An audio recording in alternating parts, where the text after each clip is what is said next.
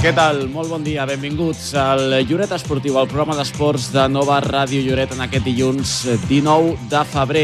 Encara amb l'emoció que ha deixat l'11è Rally de Lloret, amb les victòries de José Luis Pelet i Albert Chamorro, que s'han imposat de principi a fi en una competició que ha reunit 120 equips entre les diferents categories, amb una presència important de pilots estrangers, especialment vinguts de França, i avui farem un ampli resum d'aquest rally parlant amb alguns dels seus protagonistes. Però també destacarem amb altres resultats del cap de setmana, com la medalla d'or de Berta Linares en el Campionat de Catalunya dels 60 metres llisos. Escoltarem les valoracions d'un dels entrenadors, Àngel Mollera, i també mirarem el resultat de Lliga amb l'empat del Club de Futbol Lloret, la derrota del Club Hoquei Lloret o l'estrena en la fase d'ascens del Club Ole Lloret.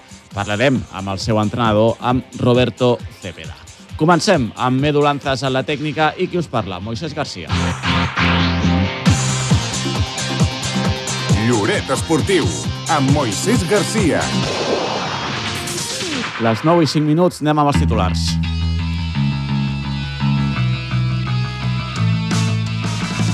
José Luis Peláez i Alberto Chamorro guanyen l'onzena edició del Rally de Lloret. No van donar opció a la resta de competidors i es van proclamar campions per davant d'Albert Urriols i Xevi Moreno, que van ser segons, i de Pablo Díez i Esther de la Torre, que van acabar en el tercer lloc. Pel que fa a la categoria de regularitat, els guanyadors van ser Carles Miró i Ivan Matavaques amb un Porsche, mentre que la categoria regularitat esport va ser per un altre Porsche, amb Jordi Falló i Daniel Robledillo. Berta Linares, del Club Atletisme Lloret La Selva, es proclama campiona de Catalunya dels 60 metres llisos. Va ser en el Campionat de Catalunya sub-16, disputat aquest cap de setmana a Sabadell, en què va fer una marca rècord de 7,72 segons. La competició va deixar altres resultats destacats, com la segona posició de Marc Romero en salt d'alçada amb 1,72 metres i el tercer lloc de Laila Tubonemi en llançament de pes amb 11,35 metres. El club de futbol Lloret empata a dos al camp de la Unió Esportiva Baix. Els tarragonins es van avançar molt d'hora en el minut 6 en una acció de Didac Becerra. A la represa, els juretencs van donar la volta al marcador de manera momentània amb les dianes d'Adrián Expósito i Joel Salas en un gol olímpic, però els rivals van aconseguir el definitiu 2 a 2 en el minut 73 per mitjà de Marc Soldevila. Derrota de la Juventus Lloret per 2 a 1 al camp de la Unió Esportiva Quart. El conjunt que entrena Alessandro Seixi es va avançar en el minut 2 amb un gol d'Enzo Sarmiento, però la victòria es va escapar en el tram final. En el 74, Gerard Pratsabaix va fer l'1-1 pels rivals i el definitiu 2-1 va ser obra de Nil Rafel en el minut 77. El Club Hoquei Lloret no pot amb el Cuel al Corcón i perd per un marcador de 4-0. El partit va començar de la pitjor manera possible amb un gol dels madrilenys en el primer minut de joc, obra d'Ignacio Arranz. Abans del descans van arribar dos gols més per mitjà de Guillermo Cuenca i Lucas Escari, que van posar un marcador en contra de 3 a 0. El quart i definitiu gol va arribar en el segon temps en una acció de David López. Triomf del sènior femení del bàsquet Lloret davant del nou bàsquet Olesa per un marcador de 50 a 47. Les lloretenques van ser millors abans del descans, amb dos parcials favorables de 15 a 12 i 13 a 9. En el tercer període, les jugadores del nou Olesa van mostrar-se superiors, però les locals es van refer amb un gran final de partit. El Club Futbol Sala Lloret perd a la pista de la Unió B per un marcador de 7 a 4. El conjunt lloretenc va aconseguir el rival descans amb un triomf momentani de 2 a 3 gràcies als gols de Fuad Benjalali, Ronald Mantilla i Alejandro Passamar. A la represa, els rivals van ser més efectius i van donar la volta al partit. Per part del Club Futbol Sala Lloret, el quart gol el va fer de nou Alejandro Passamar. El Club Ole Lloret s'estrena en la fase d'ascens amb una derrota davant del Reus per 1 a 3. Les lloretenques van començar perdent el primer set per un marcador de 22 a 25. En el segon període, les reusenques també van adjudicar-se la victòria 24 a 26 en un set molt disputat. El tercer joc va caure del costat local amb 25-18 i les rivals van certificar el triomf amb un parcial de 18-25 en el quart període que va posar el definitiu 1 a 3 en el marcador. I bons resultats de l'Escola Gimnàstica Rítmica Lloret a la Lliga Territorial. Es va disputar aquest dissabte i una de les seves participants, Laia Tejera, va ser subcampiona infantil en pilota, mentre que No Arandia va ser tercera. Això va ser a nivell A, mentre que a nivell B l'entitat va obtenir un tercer lloc de la prebenjamín i Navais amb Erika Girinós i Sofia Los ocupant el quart i el sisè lloc respectivament en categoria Benjamí. L'endemà l'escola va competir en la primera fase de la Copa Base de Conjunts Federats amb una segona posició per l'equip infantil i una tercera posició per les cadets Marina Poc i Bet Arandia.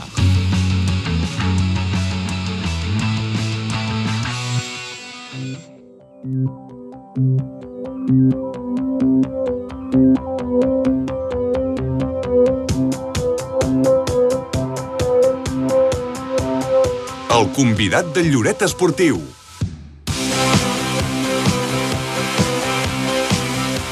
I avui són els convidats perquè parlarem amb eh, diverses persones eh, sobre aquest rally de, de Lloret de Mar, onzena edició, com dèiem abans, amb les victòries de José Luis Peláez i Alberto Chamorro, això pel que fa a la categoria de, de velocitat, que es van imposar per davant d'Albert Urriols i Xevi Moreno, que van ser els segons, i de Pablo Díez i Esther de la Torre, que van acabar en el tercer lloc. Eh, Peláez i Chamorro, que van dominar de principi a fi amb un Skoda Fàbia, una onzena edició del Rally de Lloret, amb 120 eh, equips eh, participants, important creixement de la participació estrangera, especialment de França, i amb 162 quilòmetres eh, cronometrats per trams mítics de la Costa Brava. Saludem el director esportiu del Rally, que és en Guillem Pérez. Hola, Guillem, bon dia. Hola, molt bon dia a tothom. Ha acabat aquesta onzena edició i la primera valoració general, quina seria? Doncs molt positiva. Estem molt contents de, de com ha anat el, el, el rally, com s'ha desenvolupat tota la prova, eh, tant esportivament com bueno, a nivell de, de, del muntatge, logística, tot això ha estat, jo crec que ha estat un, un gran rally. Tot ha funcionat molt bé, mm, gràcies a un superequip eh, que hi ha al darrere, que, que ha estat treballant molt, que es va preparar molt la prova prèviament, i tot això, junt amb un muntatge espectacular Lloret, una llista d'inscrits brillant i, i molta competició, doncs eh, dona, dona un resultat molt positiu. José Luis Peláez i Alberto Chamorro, guanyadors eh, d'aquesta onzena edició i amb un domini pràcticament de principi a fi, no? Sí, eren clarament un dels favorits. Uh, es van acoplar molt bé. Ells mm, crec que provaven per primer cop aquest, aquest vehicle que portaven d'última generació aquí a, a l'asfalt uh, amb motiu del Rally Lloret. El copilot, el Xau Morro, ja havia estat a, a Lloret, i, però, però realment s'ha adaptat molt bé doncs, als trams. El Pelaez uh, va fer un gran rally. El rally era molt complicat divendres, eh, en ells li sumava el desconeixement i també les dificultats que van patir tots meteorològiques eh, a la segona volta del divendres a la nit a la zona de, de, de Sant Hilari, Guilleries, on va aparèixer la pluja, això va fer una mica més de difícil el, el traçat, però realment es van mantenir, tot i una punxada que van patir, va, es van mantenir clarament davant, no? Darrere sí que hi havia més lluita entre, entre Oriols, eh, el, el Pablo Díez, hi havia diversos equips allà darrere que estaven doncs, variant per, pel segon, pel tercer lloc, no? l'Arnau Genescà, però el primer jo crec que va estar bastant clar. Després, en eh, categoria regularitat, eh, Carles Miró, Ivan Matamaca, Matavaques i en regularitat esport, eh, Jordi Fallo i Daniel Robledillo. Què podem explicar d'aquesta categoria? Bueno, realment eh, la regularitat esport també va estar bastant clara per part de, del, del Falno Roblerí amb el seu Porsche. Després crec que el, els que estaven lluitant amb ells eh, van tenir algun problema, però on va haver-hi una lluita increïble i fins al darrer metre, mai tan ben dit, perquè la realitat es va no, quasi al metre, va ser amb, amb, la, amb, la, amb la realitat baixa, no? amb realitat, i, i aquí la victòria de, de Miró Matavaques es va, es va tenir que lluitar molt i molt perquè entre ells el Segur Molist, eh, en, en Jan Rosa, eh, tots aquests tres van estar tota la prova lluitant fins al darrer moment amb, amb un canvi de posicions eh, contínues i, i va donar un gran resultat. D'aquí també voldria destacar que la parella d'aquí de, de Lloret, en, en Jordi Martí, acompanyat aquest cop amb el Sergi Giral, van estar ja a la lluita, però bueno, un problema els va deixar apartats d'aquesta lluita, però que estaven també en disposició de guanyar i, i d'estar lluitant pel, pel, pel, pel, pel, pel, pel podi segurament. Aquesta, aquesta pluja que, que va aparèixer eh, encara hi va posar més emoció, no? Va sobre amb, amb trams nocturns i complicats. Sí, sí, sí. Hi havia un petit risc de pluja, però realment la pluja va aparèixer a la segona, ja dic, a la segona volta de la, del, del divendres.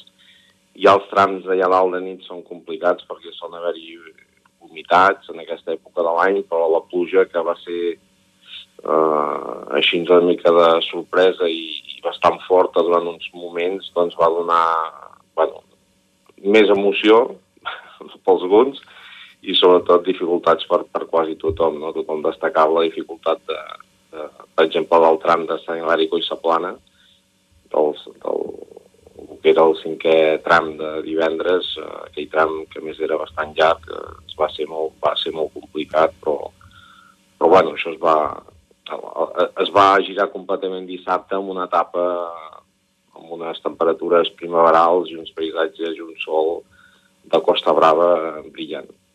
Um, considereu un encert el fet d'haver invertit els trams respecte de l'anterior edició? Sí, crec que, que, que fer la zona de Girona, la zona de, de Costa Brava, diguéssim, no? de, de, de Tossa Sant Grau, Àngels, tot aquest bucle, eh, fer-lo de via pues, permet, eh, primera de tot, veure molt clarament un territori espectacular a la província de Girona, eh, comarca selva, tot això ens dona un, uns paisatges eh, bueno, espectaculars, no? on eh, el, el públic de dia pues, pot disfrutar molt de d'aquests paisatges, d'aquestes carreteres, i els pilots també pues, eh, jo crec que s'ho passen, passen més bé. No? I, Guillem, eh, no sé si ja pensant en la dotzena edició, en coses que, que es poden millorar, en coses que es poden canviar, no, no, no sé sí. si... o si voleu descansar sí. uns dies, òbviament. bueno, sí, descansar uns dies sí, però no... Eh, ja estem, ja estem pensant en el, en el proper, en la dotzena edició, ja tenim algunes idees, possiblement tinguem algun canvi bastant important, i hem pres nota de coses, evidentment sempre hi han coses que es poden fer més bé, coses que podem millorar, també rebem comentaris dels participants, això també és important escoltar i, i veure què diuen ells, no? però de moment disfrutar d'aquesta edició que crec que, que ha estat molt bona, ja dic, insisteixo, gràcies al treball de moltíssima gent que ha col·laborat i, i que tot això ha fet possible doncs això, no tenir una prova quasi perfecta i que ha anat eh, realment bé. Ara de fer valoració, però també et dic, eh, disfrutar una mica de tot això perquè costa molt i molt, cada cop costa més, i quan et surten tantes coses et, et quadren i, i queden bé, doncs hem, hem, hem de disfrutar-ho una mica, felicitar a tothom, però, però disfrutar-ho. Però, evidentment, ja hem pres nota de coses per l'any que ve i ja et dic que possiblement tinguem algun canvi important. I per cert, Guillem, per acabar, que recordo que en l'anterior entrevista, en l'entrevista prèvia que fèiem aquí a la ràdio, demanava sobretot eh, molta prudència, precaució a tots els aficionats que s'acostessin a presenciar el rally. Tot ha anat bé, no?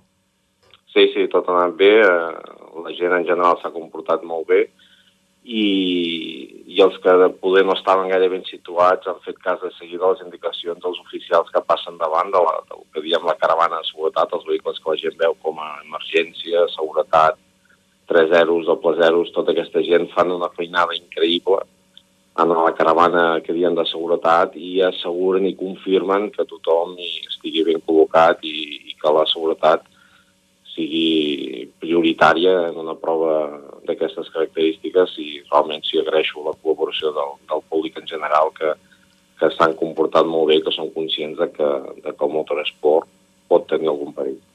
Doncs, eh, Guillem, enhorabona per eh, tota l'organització. Com dius, estarem ben pendents de, de la pròxima edició, òbviament, però per endavant uns dies per, per gaudir d'aquestes bones valoracions i per descansar. Gràcies per atendre'ns.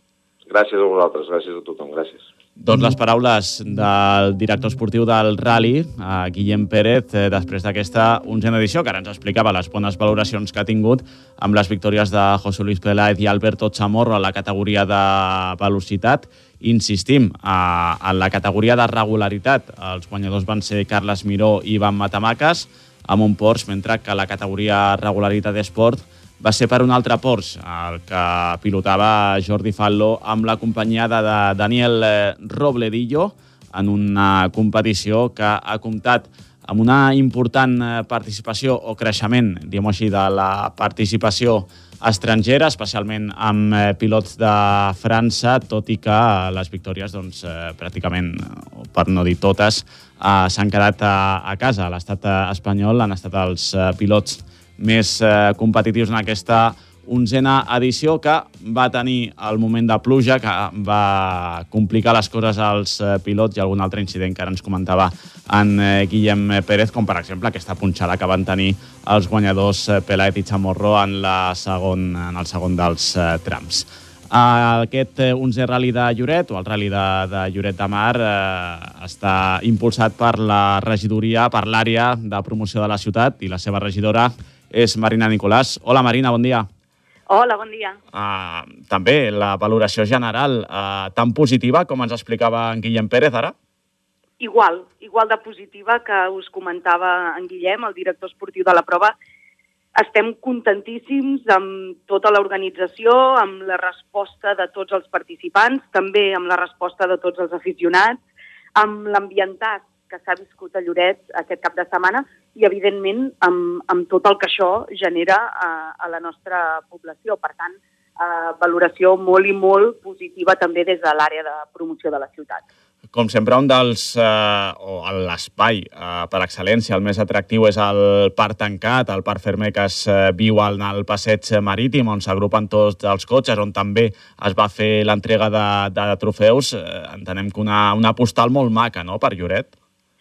Doncs sí, efectivament, eh, aquella zona és una postal molt, molt maca, però eh, tot el conjunt ho és. Per nosaltres, eh, una de les coses més importants d'aquesta prova és que Lloret és l'epicentre del rally, per tant, hi ha sortides, hi ha arribades, hi ha els reagrupaments, hi ha les verificacions, que també doncs, eh, genera molt d'interès, hi ha el parc de treball, hi ha el shakedown, evidentment, les cerimònies que, que comentaves al final tot això passa a Lloret, això mou molta gent, és una prova molt consolidada, cada cop doncs, hi ha més inscrits, comentàveu també que cada cop hi ha més participació d'equips estrangers, per tant, eh, doncs això només fa que indicar que, que és una prova de referència en aquest món i que, per tant, eh, n'estem molt i molt orgullosos. I, I té molt de valor per Lloret també de, des de diferents vessants, no? Òbviament el que ara ens comentaves, doncs, de l'assistència de públic, de la presència estrangera, però també per el fet de, de tornar a situar o de mantenir Lloret eh, en el que seria en el calendari del, del món del motor, perquè recordem que aquesta prova és eh, puntuable en el Campionat de, de Catalunya. Està, és una prova que està diguem-ne, estratègicament situada eh, en el calendari, tant català com estatal de, de ral·lis, i que mm, per molts dels, dels equips eh, suposa un tret de sortida. A més a més, eh, és, és, com deia també el director esportiu, eh, hi ha trams per paratges espectaculars eh, i tot, tot això fa d'aquesta prova doncs, una prova molt i molt interessant per tots els equips que hi participen. Jo he tingut l'oportunitat de parlar amb, amb alguns d'ells i, i tots van en la mateixa línia, tots estan contentíssims de participar en una prova que està tan ben organitzada que eh, doncs, compta amb, amb paisatges tan espectaculars i, en definitiva, doncs, eh, tot el conjunt estan, estan molt contents de poder participar en una prova així. I, Marina, pensant ja en la pròxima edició? Sí, com deia en Guillem, eh, bueno, eh, hem anat prenent nota de tot el que es pugui millorar. La valoració, evidentment, és molt positiva, però sempre hi ha cosetes eh, que, bueno, que apuntem per poder millorar de cares a, a l'edició de l'any vinent, però, evidentment, amb totes les ganes de, de començar ja a treballar per aquesta dotzena edició, perquè creiem que és eh, una cosa molt important per Lloret, per tot el que comentàvem, i sobretot eh, també pel que suposa per l'impacte econòmic que, que, que genera la població a nivell d'allotjament, de comerç, de restauració, um, en dates de temporada baixa. No oblidem que el febrer per nosaltres és temporada baixa i, per tant, tot el que això significa doncs, és importantíssim. Així que amb moltíssimes ganes de, de treballar per la propera edició. Doncs uh, Marina Nicolà, regidora de promoció de la ciutat, uh, com sempre, gràcies per atendre'ns. Gràcies a vosaltres, bon dia.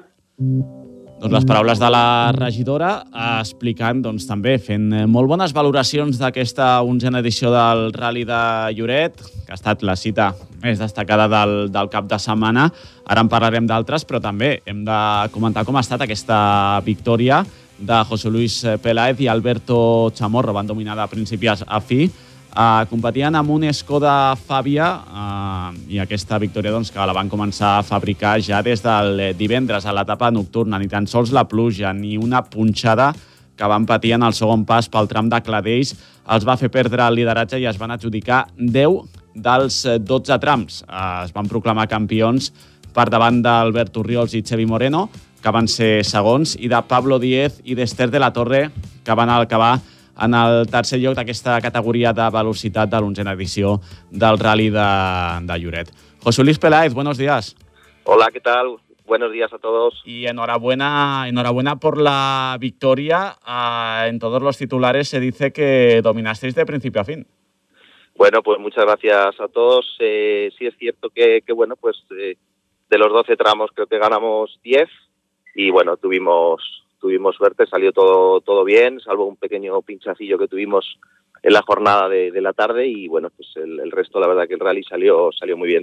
Sí, por esto te, te quería preguntar, porque no, no, fue todo tan, tan, tan cómodo, ni mucho menos como parece, por este, este, peque, este pequeño pinchazo que ahora nos, nos dices. También con la, con la lluvia, ¿no? Se esperaba lluvia, poca lluvia, pero al final apareció. Sí, tuvimos un, un rally completo y, y muy, muy cambiante la jornada del sábado, la, el segundo bucle, nos, nos sorprendió a todos la, la, la lluvia, esa, esa, ese pequeño chispeo que parecía que no iba a llover, salimos con neumáticos de, de, de seco y, y, bueno, pues allí pues un poco todos creo que nos, nos sorprendió. Competíais con un Skoda Fabia y si no lo digo mal era la, la primera vez que lo usabais en un rally.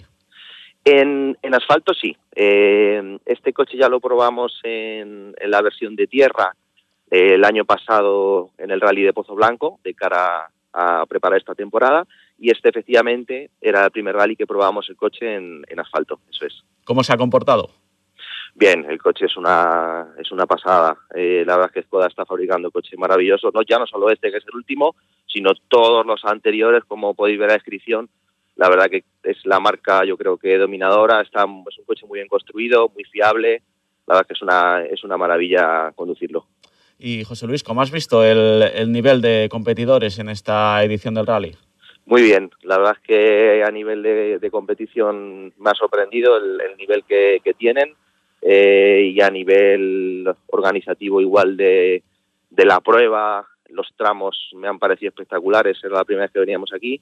Yo, personalmente, mi copiloto Alberto, si ya ha estado con algún otro piloto en esta edición, ya me había advertido que, que los tramos eran preciosos, pero es que realmente siempre en algún rally dices, hostia, algún, algún tramo no, no te cuadra o no sé, no, no, no, te convence, ¿no? Por lo que sea. En este, de los seis tramos que hay, los seis me gustaban, no podía descartar ninguno porque eran, eran preciosos. Y, y además, eh, algo que comentáis mucho los pilotos, ¿no? Correr también de noche, etapas nocturnas, siempre es especial. Es, un, es especial, yo creo que tanto para nosotros como, como los pilotos, el, el, el, el ambiente que genera, y luego para, para el público creo que, que, igual el ambiente que genera los rallies nocturnos es una atmósfera especial y bueno, pues merece la pena correrlo, la verdad. ¿Ha sido tu primera competición este año? Sí, este año ha sido la primera competición. El rally era lo hacíamos preparando un poco para probar el coche en, en versión asfalto eh, de cara al supercampeonato, que es el, el campeonato que vamos a seguir. Y, y, bueno, pues esta fue la primera, la primera prueba que hemos hecho este año. Ya la siguiente haremos Lorca, pero ya es, es tierra. Pues eh, José Luis, eh, enhorabuena por esta victoria en el rally de, de Lloret. Esperemos sí. eh, verte en futuras ediciones. No sé si te gustaría repetir.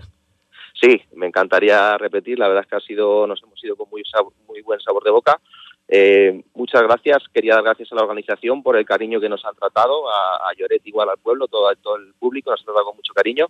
Y nada, el año que viene espero poder repetir y estar otra vez allí con vosotros. Pues queda dicho. Gracias y enhorabuena. Un abrazo, gracias. Aquest diumenge se celebra la plec dels perdons. A les 9 del matí, sortida de la plaça de la Vila tot xino-xano cap a la plec. A les 12, missa amb el relleu de les obreres i obrers. A la 1 i les 4 de la tarda, audició de sardanes. Hi haurà la tradicional arrossada popular organitzada per la penya Xino Xano, la plec dels perdons. Organitza Obreria de Santa Cristina. Catalunya està en emergència per sequera. la Generalitat destina més de 2.400 milions a augmentar la disponibilitat d'aigua i a garantir-ne l'eficiència. Ara, més de la meitat de l'aigua que fem servir cada dia no ve de la pluja. És regenerada o desalinitzada. Però no n'hi ha prou. Estalviar aigua és urgent i necessitem l'esforç de tothom. Quan n'estalvies, assegures aigua per tu, per als que estimes i per al país. L'aigua no cau del cel. Estalvia aigua. És urgent. Més informació sobre les restriccions a Lloret de Mar al web lloret.cat barra sequera. Has volgut parlar mai amb els polítics que governen a Lloret? Els que manen a l'Ajuntament? Vols saber quina és la seva feina, el seu dia a dia? Doncs escolta Sense Pressa, a les 9 del matí, a Nova Ràdio Lloret. Aquest dimarts entrevistem la regidora Marina Nicolàs de Junts. Exposicions per visitar a Lloret de Mar. Fins al 15 de març visita l'exposició Una literatura pròpia a la Casa de la Cultura. El reconeixement de l'Institut Català de les Dones a les aportacions que algunes escriptores han fet a la literatura catalana i universal. Fins al 15 de març visita l'exposició Una literatura pròpia a la sala d'exposicions de la Casa de la Cultura. L'horari de visita és de dilluns a divendres de 10 a 2 del matí i de 4 a 8 de la tarda. Lloret Esportiu, amb Moisés Garcia.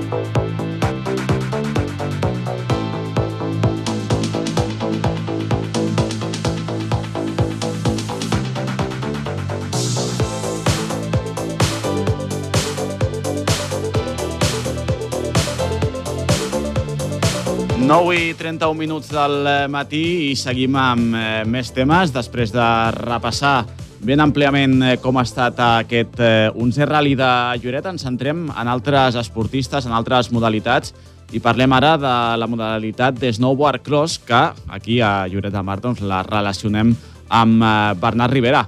Hola Bernat, molt bon dia. Bon dia, Moisés uh, una temporada que ja està en marxa amb diferents copes del món. De moment ja n'has fet quatre, en tres has aconseguit classificar per les finals i encara queden unes quantes per uh, endavant. Explica'ns, en quin moment et trobes ara mateix de, de la temporada?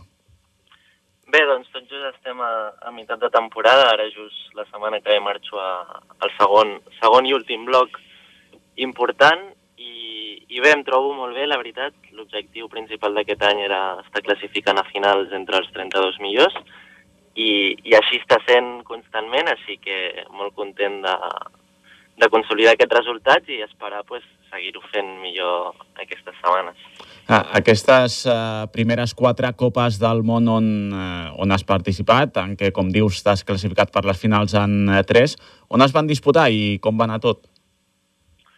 Um, doncs de fet, hi ha hagut cinc copes del món, però la primera no vaig poder competir perquè estava, em vaig posar malalt. I, i les altres uh, van ser a Itàlia, Suïssa i Geòrgia. I, I això, la veritat és que la d'Itàlia va ser la primera que vaig classificar aquest any i normalment classifiquem de, els 32 primers, però van fer una competició que, que en comptes de les finals ser de, de 4 corredors, anàvem de 6 corredors, i mai havia competit de, amb bateries de 6, així que va ser va estar molt xulo. I després, doncs, les dues següents a Suïssa vaig classificar el 16 en classificatòries, que sens dubte és la millor classificatòria que he fet mai. I després, doncs, l'altre dia a Geòrgia també vaig classificar el 27 i vaig acabar entre els 30. Un altre cop. Ara set copes del món encara per endavant. Uh, algunes seran aquí a casa, a Sierra Nevada, però també aniràs a Itàlia, a Àustria i al Canadà. Com, com s'afronta aquesta, aquestes set copes que faràs? A veure, la, aquest, la setmana que ve tenim dues copes del món a Sierra Nevada, que sempre és, és supermaco competir a casa amb la teva gent i, i sempre hi ha més pressió, però, però bueno, espera sempre fer-ho una mica millor a casa. I l'objectiu és, és el que porto fent fins ara, consolidar, entrar en finals i en Jocs Olímpics d'aquí dos anys i van els, els 32 millors en rànquing olímpic, així que anem en bona línia, vull consolidar aquests resultats i, i somiant una miqueta més, doncs aviam si puc passar alguna ronda i estar una mica més endavant del rànquing. Uh -huh. um, tens preferència per, eh, per el participar en algun país o, o preferència dels de casa? No sé si teniu alguna preferència en aquest sentit. Um, a mi casa m'agrada molt i de fet l'any passat, bueno, a Sierra Nevada va ser on vaig debutar fa uns anys a Copa del Món i l'any passat eh, va ser la primera vegada que classificava en Copa del Món, ho vaig fer a Sierra Nevada també, que vaig acabar quedant el 17è i la veritat que és córrer a casa és per nosaltres, bueno, personalment és, és el més, el més guai, pot venir la família, poden venir els amics, sí que hi ha doncs més, um, més polítics i, i directors i presidents, però en aquest sentit hi ha més pressió, però compensa molt el fet de que, de que això, que corres a casa teva amb la teva gent, on et coneix tothom i, i és, és guai córrer a casa. I a la vista Bernat eh, també al Campionat d'Espanya. Sí, per acabar la temporada també eh, penso que és, que és important córrer als Campionats d'Espanya, que, que venim de, de córrer per tot el món, però acabar a casa um, i, i competint amb, bueno, en el circuit on, on vam començar tots um, i donant suport sobretot al, al relleu que ve per darrere amb els, amb els joves que et demanen bueno, estar de primera mà aquell dia amb, amb, els, amb els nois i noies uh, també és molt, molt gratificant. Quan es farà? Uh, Just després de Canadà és a principis de Setmana Santa. No sé dir-te dates exactes. Per tant, no, no, no queda massa, eh? Do, dos mesos, o menys de dos mesos. Sí, sí, ja et dic, o sigui, amb, amb aquestes cinc setmanes tenim set copes del món i amb el que portem des de novembre fins ara n'hem fet cinc. Vull dir, l'organització d'aquest any ha sigut bastant caòtica, és el que té aquest esport, i més amb la situació que tenim de neu actualment, que, que de fet encara no està confirmat 100% segur que es faci aquesta setmana la, la competició, però bueno, el meu esport és així, uh, vivim molt en el dia a dia, de cop i volta ens fan canvis de calendaris que, que ens diuen que d'aquí tres dies marxem dues setmanes i, bueno, aprens a conviure amb això i, i amb, amb la sort de poder tenir competicions. Serà un mes molt dur, però espero que, que vagi molt bé. Perquè amb, amb tants viatges, amb, com dius, no? amb, amb aquest caos que té el, el calendari, també la, la preparació, tam, tampoc tens massa temps no? per preparar aquestes, aquestes competicions? Bueno, la, la preparació important es fa durant tota la pretemporada, que malauradament tinc molts mesos de, de pretemporada, i el principal és de, de juny, juliol fins al novembre. Tots aquells mesos és el bloc més important de preparació durant tota la temporada. I llavors, quan hem començat la temporada de competicions allà al novembre, l'objectiu principal que són les Copes del Món, um, a no ser que hi hagi o Jocs Olímpics o Campionat del Món, que és un objectiu molt precís, el nostre objectiu és estar com en el màxim, aguantant el màxim nivell durant els màxims mesos possibles de novembre fins a l'abril. I això és molt complicat. Jo actualment estic becat al CAR de Sant Cugat i entre competicions doncs torno aquí al CAR, faig tota la part de preparació física i manteniment, faig tota la part de recuperació amb fisioterapeutes, també tinc psicòleg, nutricionista, eh, faig els àpats aquí, vull dir, durant la temporada és més que preparació és un manteniment i, i aguantar tot el possible per, per seguir en el, en el màxim rendiment. Doncs eh, unes setmanes mogudes, eh, molt intenses per Bernat Rivera. Eh, estarem ben pendents. Moltes gràcies per atendre'ns, Bernat. Gràcies a vosaltres.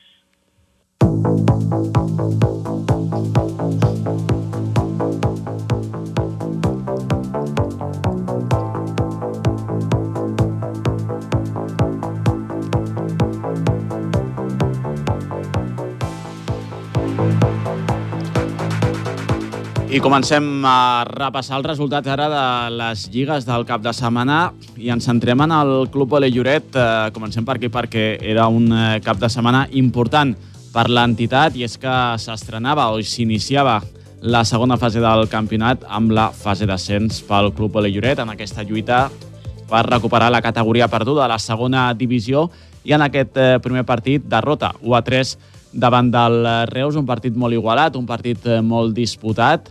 El primer set 22-25 per les reusenques, que també eh, van aconseguir la victòria en el segon període, 24-26.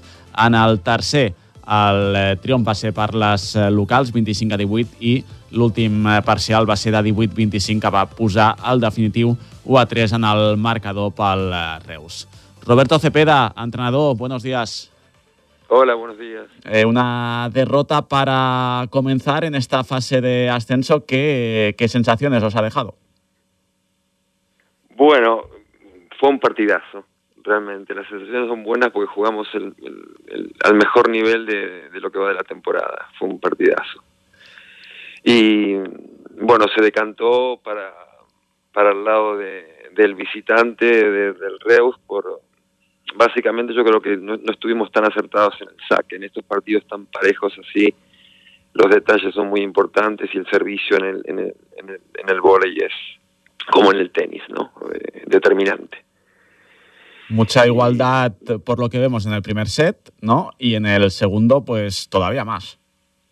Sí, sí, sí, sí. sí. En, el, en el primero hubo, lo que te digo, pequeños detalles. En, en el primero fueron algún, un par de errores no forzados que entramos un poquito ahí, no, no, no con todo, después ya nos metimos bien en el partido, pero no, no, no, no, no, no pudimos mantener la línea de en el, en el servicio fundamentalmente, en el saque no, no, no, no presionamos lo suficiente a un equipo que eran tenían tres chicas arriba de un metro ochenta, o sea, eran más altas que yo, eran, bueno, un equipo realmente que nos exigía al máximo, nosotros estuvimos a, a la altura porque fue el, el, partido fue palo y palo todo el tiempo, puntos larguísimos, defensa, ataque, en, todo, en todos los, aspectos, de, en, todas las fases del juego estuvimos espléndidos, mostrando nuestro mejor nivel. Pero en el servicio creo que nos faltó un poquito y ahí, y ahí fue donde, donde se decantó la balanza para, para el lado del visitante. Bueno, es una primera jornada. Uh, por cierto, explícanos ¿Qué puntos mantenéis en esta, en esta segunda fase respecto a la primera? Claro, se, se, traen los puntos de la primera de la primera ronda los que se jugaron contra el. En esta fase se, se regrupan, ¿no? Se regrupan los los los los cuatro primeros de cada bombo y eh, se mantiene el puntaje de, del rival del primer de la primera vuelta o sea, ese partido no se vuelve a jugar. Nosotros habíamos jugado con el Tiana ya en la primera vuelta y compartimos ahora grupo con el Tiana y es, es, ese puntaje es el que traemos. Uh -huh. El de los dos partidos que ya hicimos con el Tiana, que le ganamos los dos partidos con 3-0, entonces por eso llevamos ya seis puntos en, la, en esta clasificación. Y recuérdanos, ¿cuántos...? Esto, sí, sí. Sí. No, que, que, que esto acaba de empezar y no no, no, no, o sea, nosotros nos quedamos con buena sensación por el nivel del juego en este primer partido. Vamos, vamos creciendo, seguimos creciendo. Lo del sábado fue un partido realmente espectacular. ¿Cuántos Así equipos que, eh, suben? Recuérdanos. Suben dos directos, los primeros de que ahora son dos grupos de, de campeonato, digamos, de ascenso. Suben los dos primeros de cada de cada grupo directamente. Eh, y después el segundo y el tercero jugarían el ascenso con los que bajan de segunda división. O sea, es un cuadrangular ahí con el segundo y tercero de, cuadra, de cada grupo, con los con los que vienen de segunda. O sea que hay, hay varias varias formas de, de ascender, digamos. Pues Una que es directa, siendo primero de grupo, y otros ya jugando después la, el ascenso. Uh -huh. Pues como dices, eh, primera jornada, todavía bastantes partidos eh, por, eh, por adelante, habrán hasta 12 jornadas en esta fase de, de sí. promoción. Y próxima jornada os desplazáis a la pista del Turayó. Al Turayó, otro primero, o sea, el Reus era primero de grupo, fue primero en su, en su zona, un equipo, ya te digo, potentísimo, altísimo, un equipo muy, muy grande, y ahora vamos a visitar este, este domingo, visitamos al Torelló a ver si, si nos traemos algo de, de la visita. Un rival exigente. Eh, Roberto, estaremos bien pendientes de lo que hacéis y lo explicaremos aquí en la radio. Gracias por atendernos. Bueno, muchas gracias, muchas gracias por seguirnos. Gracias. De nou a 10 del matí, Lloret Esportiu. Parlem del que t'interessa.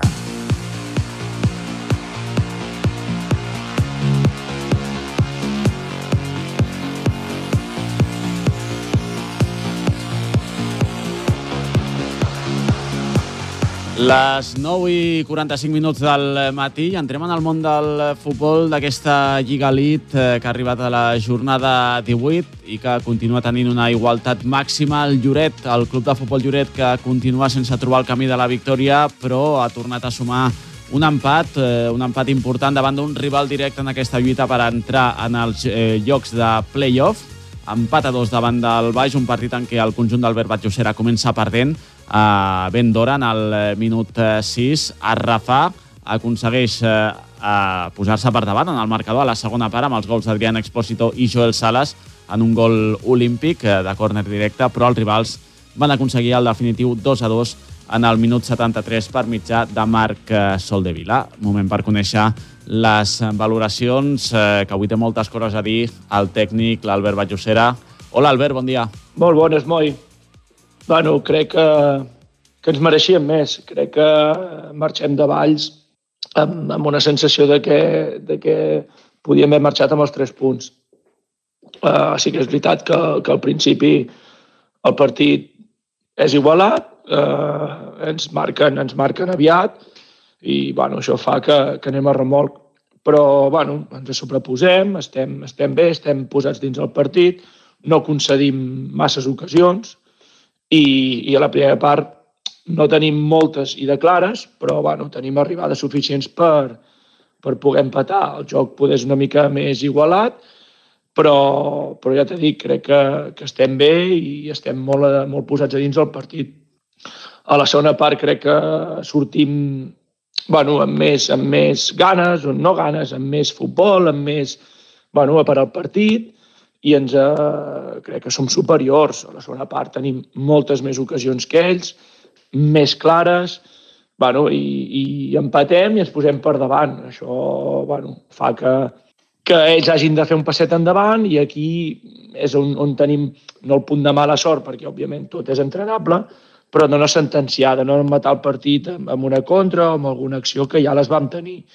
L'1 a 3 els hagués matat, això, això sí i, i no ho fem i després bueno, el, el, el, ens empaten, continuem i, i ja les tenim però no les marquem. Jo crec que, com te dic, ens mereixíem més. I també, bueno, eh, no sóc de queixar-me mai, però aquesta setmana crec que hi ha un punt que quasi, quasi que és que no ens deixen quasi guanyar es produeix, bueno, una, al final de la primera part una expulsió del Valls, una agressió claríssima, vale? eh, zero dubtes, eh, i, i les coses s'han de sancionar, eh, vermella directa, i, i ja està. Eh, amb, amb 11 contra 10 som molt superiors, haguéssim estat molt superiors, perquè, perquè els pocs minuts que, que va estar va passar i, i es veia eh, que teníem una marxa més nosaltres bueno, incomprensiblement, mm, no sé si és premeditat o no, però és una falta molt greu de l'àrbitre i dels línies. Ens expulsen un jugador per zona groga quan no comès la falta a ell. Hòstia, jo crec que aquí eh, han de fer un, un balanç, eh, els partits es donen per la tele, mm, passa davant de l'àrbit, el línier està mirant, eh, són coses que el 2024 no poden passar. Òbviament, és, és intolerable. Si nosaltres ens equivoquem, ens sancionen i ells no passa absolutament res. Crec que no, no està bé, no hem guanyar. Eh, amb 10 contra 11, com t'he dit, érem molt superiors, portàvem una marxa més, bueno, la, la dinàmica era, era nostra. I aquest jugador eh, el perdem aquell partit, recorrerem, òbviament, la targeta, però si no li treuen, el perdem un altre partit. Bueno, són sancions que no s'entenen. Eh, és una falta a mig del camp, no sé ni si és de targeta, però això ja podem valorar. Però ja t'he dit, hi ha dos jugadors del Lloret. Es veu claríssimament al vídeo com Monchi passa per davant.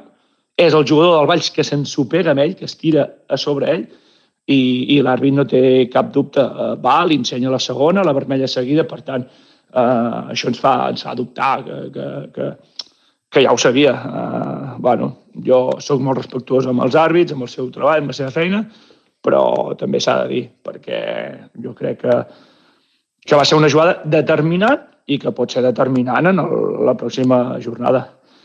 Però, bueno, eh, això no podem controlar-ho, seguirem entrenant, intentant millorar coses i, i poder competir els partits i aviam si, si d'una vegada per totes traiem tres punts.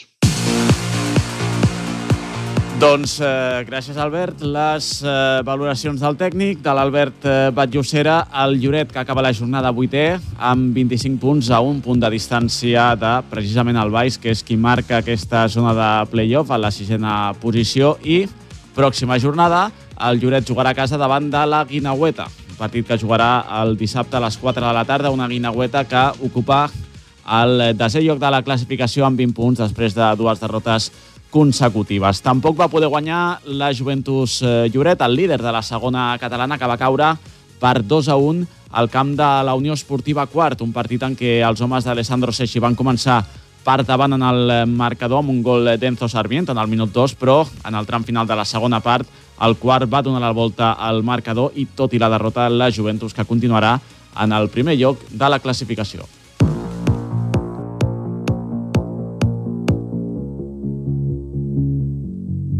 Lloret Esportiu.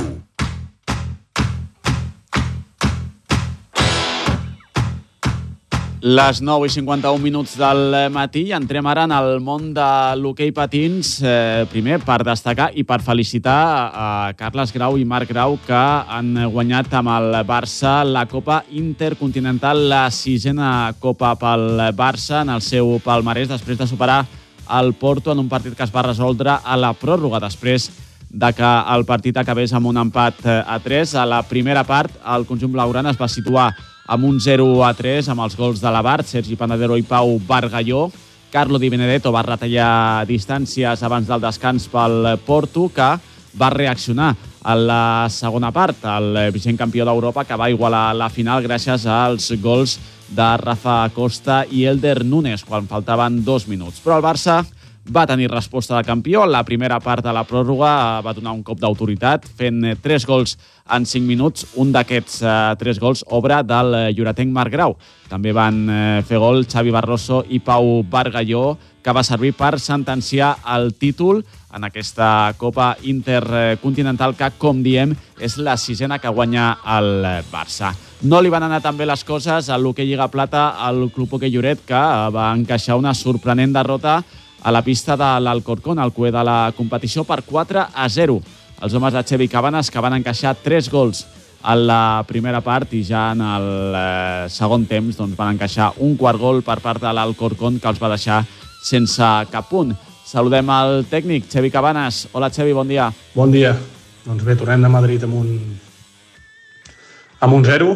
Uh, no, era, no era per res del món el resultat que esperàvem ni, ni, ni el partit uh, potser ser un excés de confiança o, o no sé, o, o ells també els hi va sortir un partit perfecte, que diguem, uh, doncs no, no vam poder, no vam poder ni, ni, marcar, ni marcar cap gol. Mm, bàsicament, bueno, el seu porter va fer, va fer un partidàs, ens va ser impossible marcar gol entre els pals, mm, al final vam generar ocasions, però no va voler entrar i ells van aprofitar doncs, dels nostres errors penalitzar-los amb gol i al final comencem amb un gol molt, molt matiner que encara no havia passat ni un minut amb una contra. I, i així doncs al final acabem la mitja part amb arribem a la mitja part amb 3 a 0 i, i bueno, al final la segona part eh, intentem, intentem remuntar però bé, es treuen una blava per, per protestar i, amb, i amb la inferioritat ens fan el 4-0 i així, i així s'acaba sí, així s'acaba el partit eh, no teníem previst no puntuar a Madrid però bueno, al final els errors se n'aprèn, hem de treure les parts positives, que al final vam generar ocasions i només ens falta doncs, posar-la dintre, no? Diferent ser, fos que no, que no generessin res, però uh, corregir els errors, seguir treballant amb el cap ben alt i la lliga és molt llarga encara, encara estem a dalt i, i ja està, no, no queda més.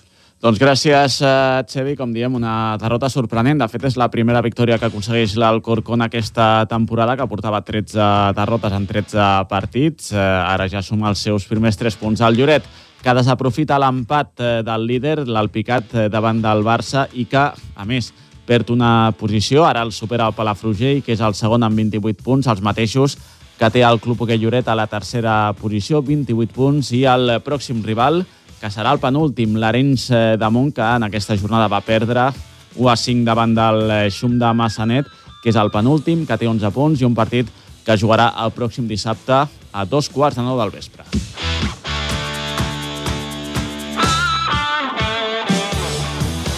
Lloret Esportiu, amb Moisés Garcia.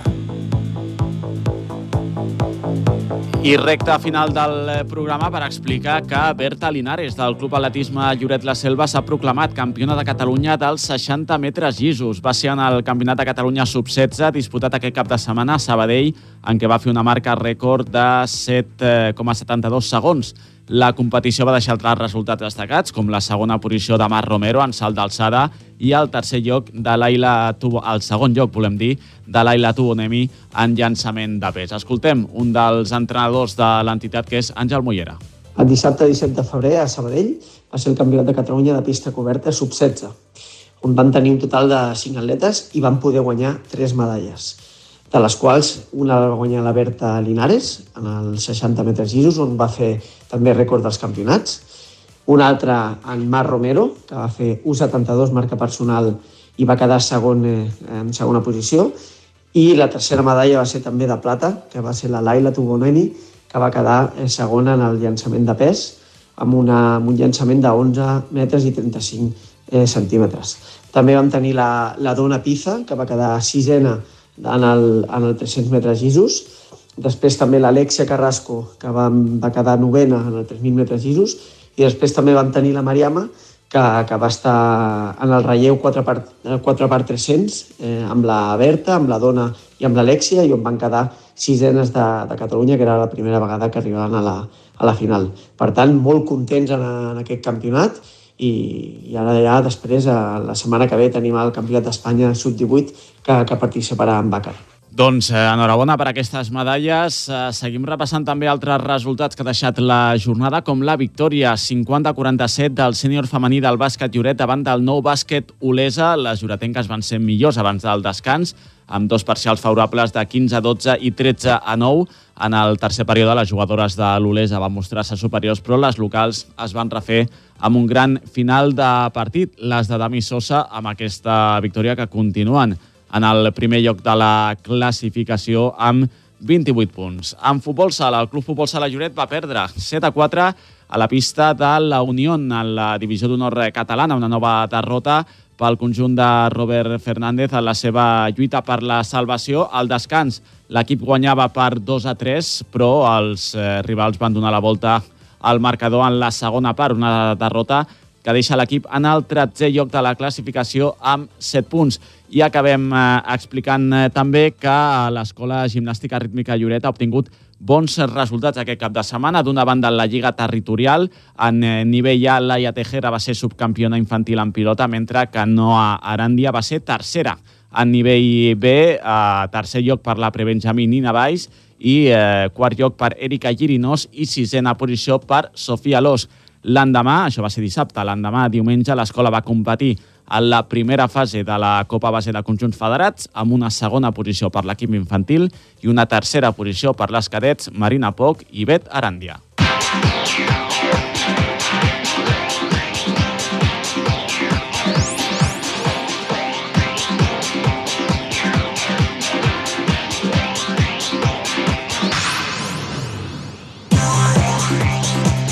I un minutet per arribar al punt horari de les 10 del matí, després d'un eh, Lloret Esportiu, un programa en què hem eh, parlat eh, àmpliament del rally, de la onzena edició del rally de Lloret, que ha deixat la victòria de José Luis Peláez i Alberto Chamorro en la categoria de velocitat. Han estat els campions d'aquesta onzena edició per davant d'Albert Urriols i Xevi Moreno, que van ser segons, i de Pablo Diet i Esther de la Torre, que van acabar en el tercer lloc. Molt bones valoracions des de l'organització. Hem parlat amb el director esportiu, amb Guillem Pérez, també des del consistori.